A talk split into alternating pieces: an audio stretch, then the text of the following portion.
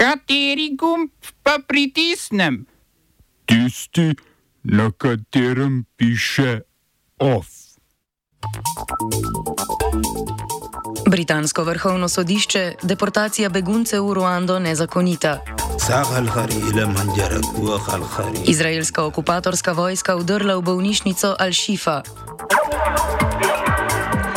Lastniki Merkatorja v nakup tuša. Sedem upravnih enot na celodnevni stavki. V kulturnem obzorniku z mojco Madon o umirajočem bogu Triglavu.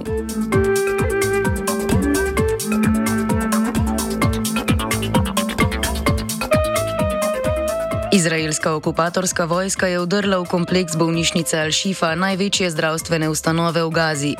V bolnišnici je do tisoč pacijentov in prav toliko medicinskega osebja, v širšem kompleksu pa več tisoč palestincev, ki so poiskali zatočišče pred izraelskimi napadi. Poleg tega je v bolnišnici nekaj deset nedonošenčkov, ki so jih morali umakniti iz inkubatorjev, saj je izraelsko bombardiranje poškodovalo infrastrukturo za zagotavljanje kisika. Tisti, ki jih je okupatorska vojska v bolnišnici zajela, so se morali po trditvah virov Al Jazeera sleči do golega, na kar so jih izraelski vojaki zaslišali. Izraelska vojska zatrjuje, da je palestinsko osvobodilno gibanje Hamas bolnišnico uporablja za svoj štab in s tem upravičuje napade na civilne objekte. V Hamasu so Združene narode pozvali k neodvisni preiskavi, ki bo dokazala, da so izraelske trditve izmišljotine.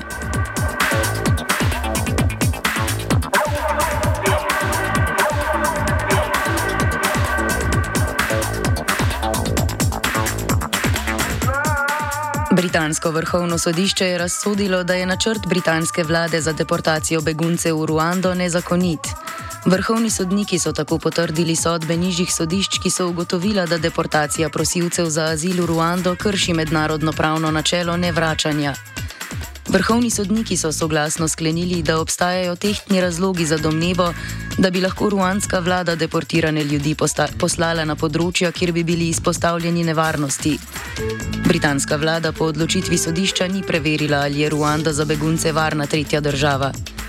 Odločitev sodišča velja zgolj za Ruando, zato obstaja možnost, da bi Združeno kraljestvo podoben dogovor sklenilo z drugo državo odprta. Deportacijsko schemo, po kateri bi begunce deportirali v Ruando, tam pa bi njihove azilne prošnje procesirale ruandske oblasti, je v prvi polovici prejšnjega leta predstavila vlada pod vodstvom Borisa Johnsona. Za implementacijo načrta, ki so ga blokirale pritožbe tistih, ki jih je vlada želela deportirati, se je glasno zauzela tudi torijska vlada pod Rišijem Sunakom. Ta je sodbo vrhovnega sodišča komentiral z besedami: citiramo, To ni izid, ki smo ga hoteli.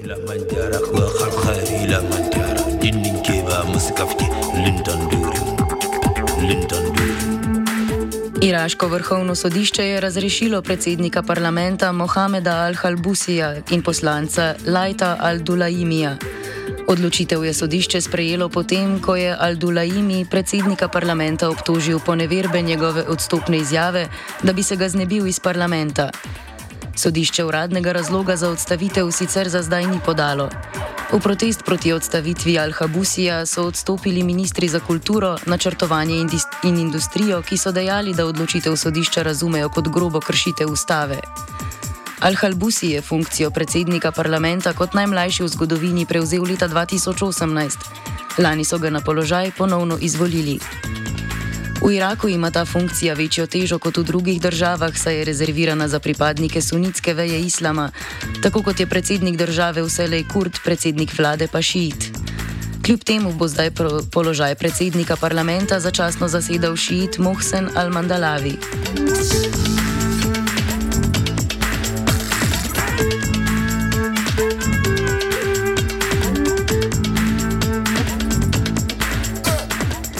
Vojska v Maliju je zasedla strateško pomembno mesto Kidal na severu države, ki je bilo eno ključnih oporišč stalnega strateškega okvirja, ki ga sestavljajo uporniške tuariške milice. Na severu Malija od avgusta potekajo intenzivni spopadi med vojsko, separatisti in islamističnimi milicami. Območje je medtem zapustila tudi misija Združenih narodov, ki namerava vse svoje člane iz države evakuirati do konca leta. Iz države je misijo Združenih narodov nagnala vojaška hunta, ki je oblast z državnim udarom prevzela leta 2020. Prav tako je morala Mali zapustiti francoska vojska.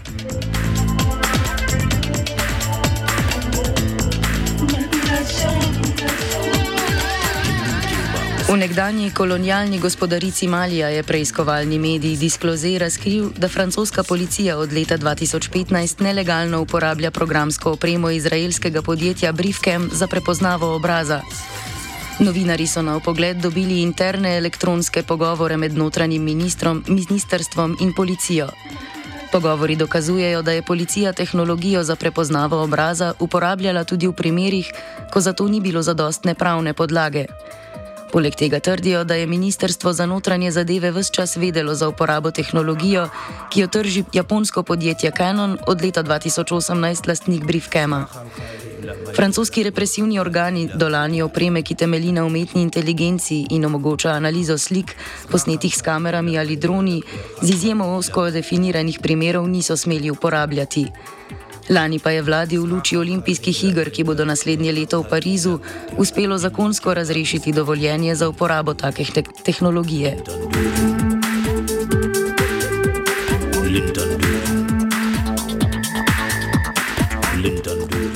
Hrvaški vojni zločinec Branimir Glavaš, ki ga je konec oktobra Zagrebsko županijsko sodišče znova obsodilo vojnih zločinov proti Srbom v Osijeku leta 1991, je iz Hrvaške pobegnil v Bosno in Hercegovino.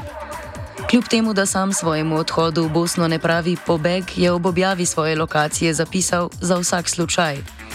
Za hrvaški medijski portal 24 Sata je svojo odločitev pojasnil z izjavo, da ima dvojno državljanstvo in da si na Hrvaškem ne želi več živeti. Glavaš, general-major Hrvaške vojske in soustanovitelj vladajočega HDZ-ja, je v Bosno pobegnil tudi leta 2009, ko so ga v Zagrebu obsodili na deset let zapora. V Bosni je po skrajšani kazni odslužil pet let zapora, leta 2015 pa je Hrvaško ustavno sodišče njegovo obsodbo na podlagi postopkovnih nepravilnosti razveljavilo in naročilo ponovno sojenje. Smo se osamosvojili, nismo se pa osvobodili. Naslednje število je še 500 projektov izpiljene modele, kako so se strani nekdanje LDS rotirali. Ko to dvoje zmešamo v pravilno zmes, dobimo zgodbo o uspehu. Takemu političnemu razvoju se reče udar. Jaz to vem, da je nezakonito, ampak kaj nam pa ostane? Brutalni obračun s politično korupcijo. To je Slovenija, tukaj je naša zemlja, to je Slovenija, Slovenija, Slovenija. Lastnik Merkatorja, hrvaška skupina Fortenova Grupa, je za 30 milijonov evrov kupila malo, prodaj, malo in vele prodajo tuša. Trgovska veriga tuš je v 80-odstotni lasti sklada Alfi in 20-odstotni lasti Mirka Tuša. Fortenova za 30 milijonov evrov prevzema malo prodajo in vele prodajo tuša, drogerije pa bodo ostale v lasti družine Tuš. Glavna ovira pri dokončni prodaji bo pridobitev soglasja varuha konkurence, saj bi združeni trgovski verigi v Sloveniji zauzeli več kot 40 odstotni tržni delež.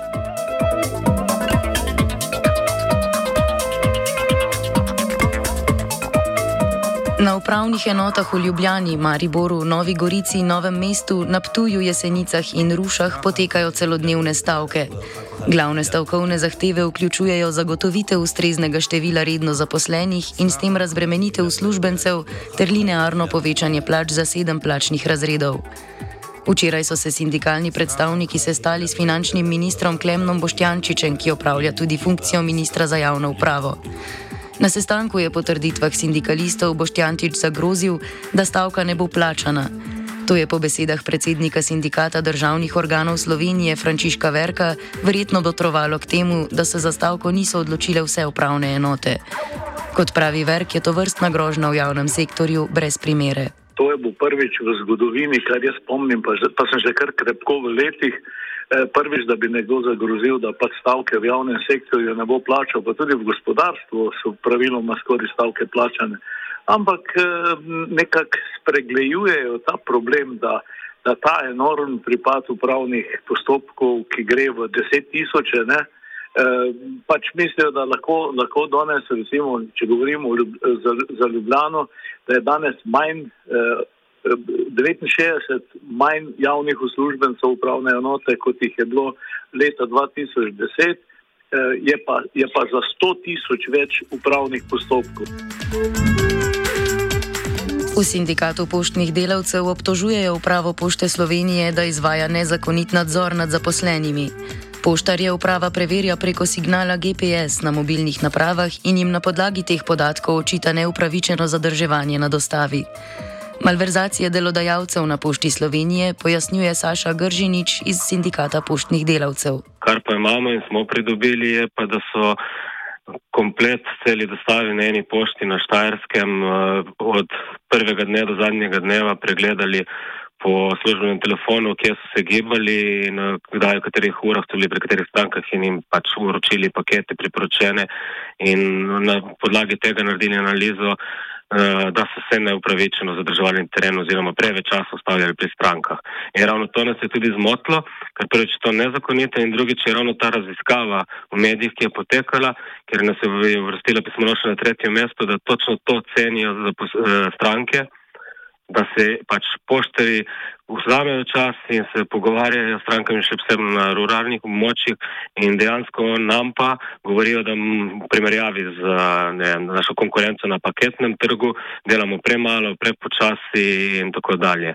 In tega smo dali ven in tudi informacije, ki smo jih prijeli, da v naslednjem letu mislijo zaustaviti zaposlovanje novih delavcev in avtomatično se pričakuje nekje 150 upokojitev, plus imamo visoko fluktuacijo in da se teh delavcev ne bo nadomeščalo z novimi in tako zmanjšalo število zaposlenih, ker že zdaj trdijo, da nas je preveč. Vlada je sklenila, da je zaradi nemotenega dela na meji treba poklicati pomožne policiste. Po trditvah notranjega ministerstva bodo nadomestili odsotnost aktivnih policistov. Razlogi njihovih odsotnosti so dopusti, bolniške odsotnosti in sklici posebne policijske enote. Po mnenju notranjega ministerstva policija potrebuje pomoč pomožnih policistov tudi zaradi, citiramo, varnostnih pojavov, ki terjajo vključitev večjega števila policistov zaradi zavarovanja državne meje. Odločitev o uvedbi nadzora notranje šengenske meje s Hrvaško in Mačarsko je vlada sprejela pred slabim mesecem na podlagi dviga stopnje teroristične ogroženosti, ki jo je 18. oktober razglasila vladna medresorska delovna skupina za protiterorizem. Tedaj na vladi in notranjem ministrstvu niso vsebinsko pojasnili, kako in zakaj je država ogrožena, zdaj pa nadzor podaljšujejo. Iz pojasnil notranjega ministra Boštjana Poklukarja je razvidno, da je vlada nadzor na mejah uvedla, ker je to storila tudi Italija.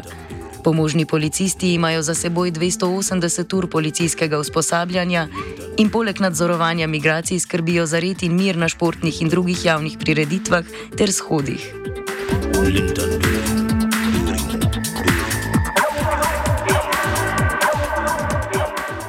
Of je pripravil Finn.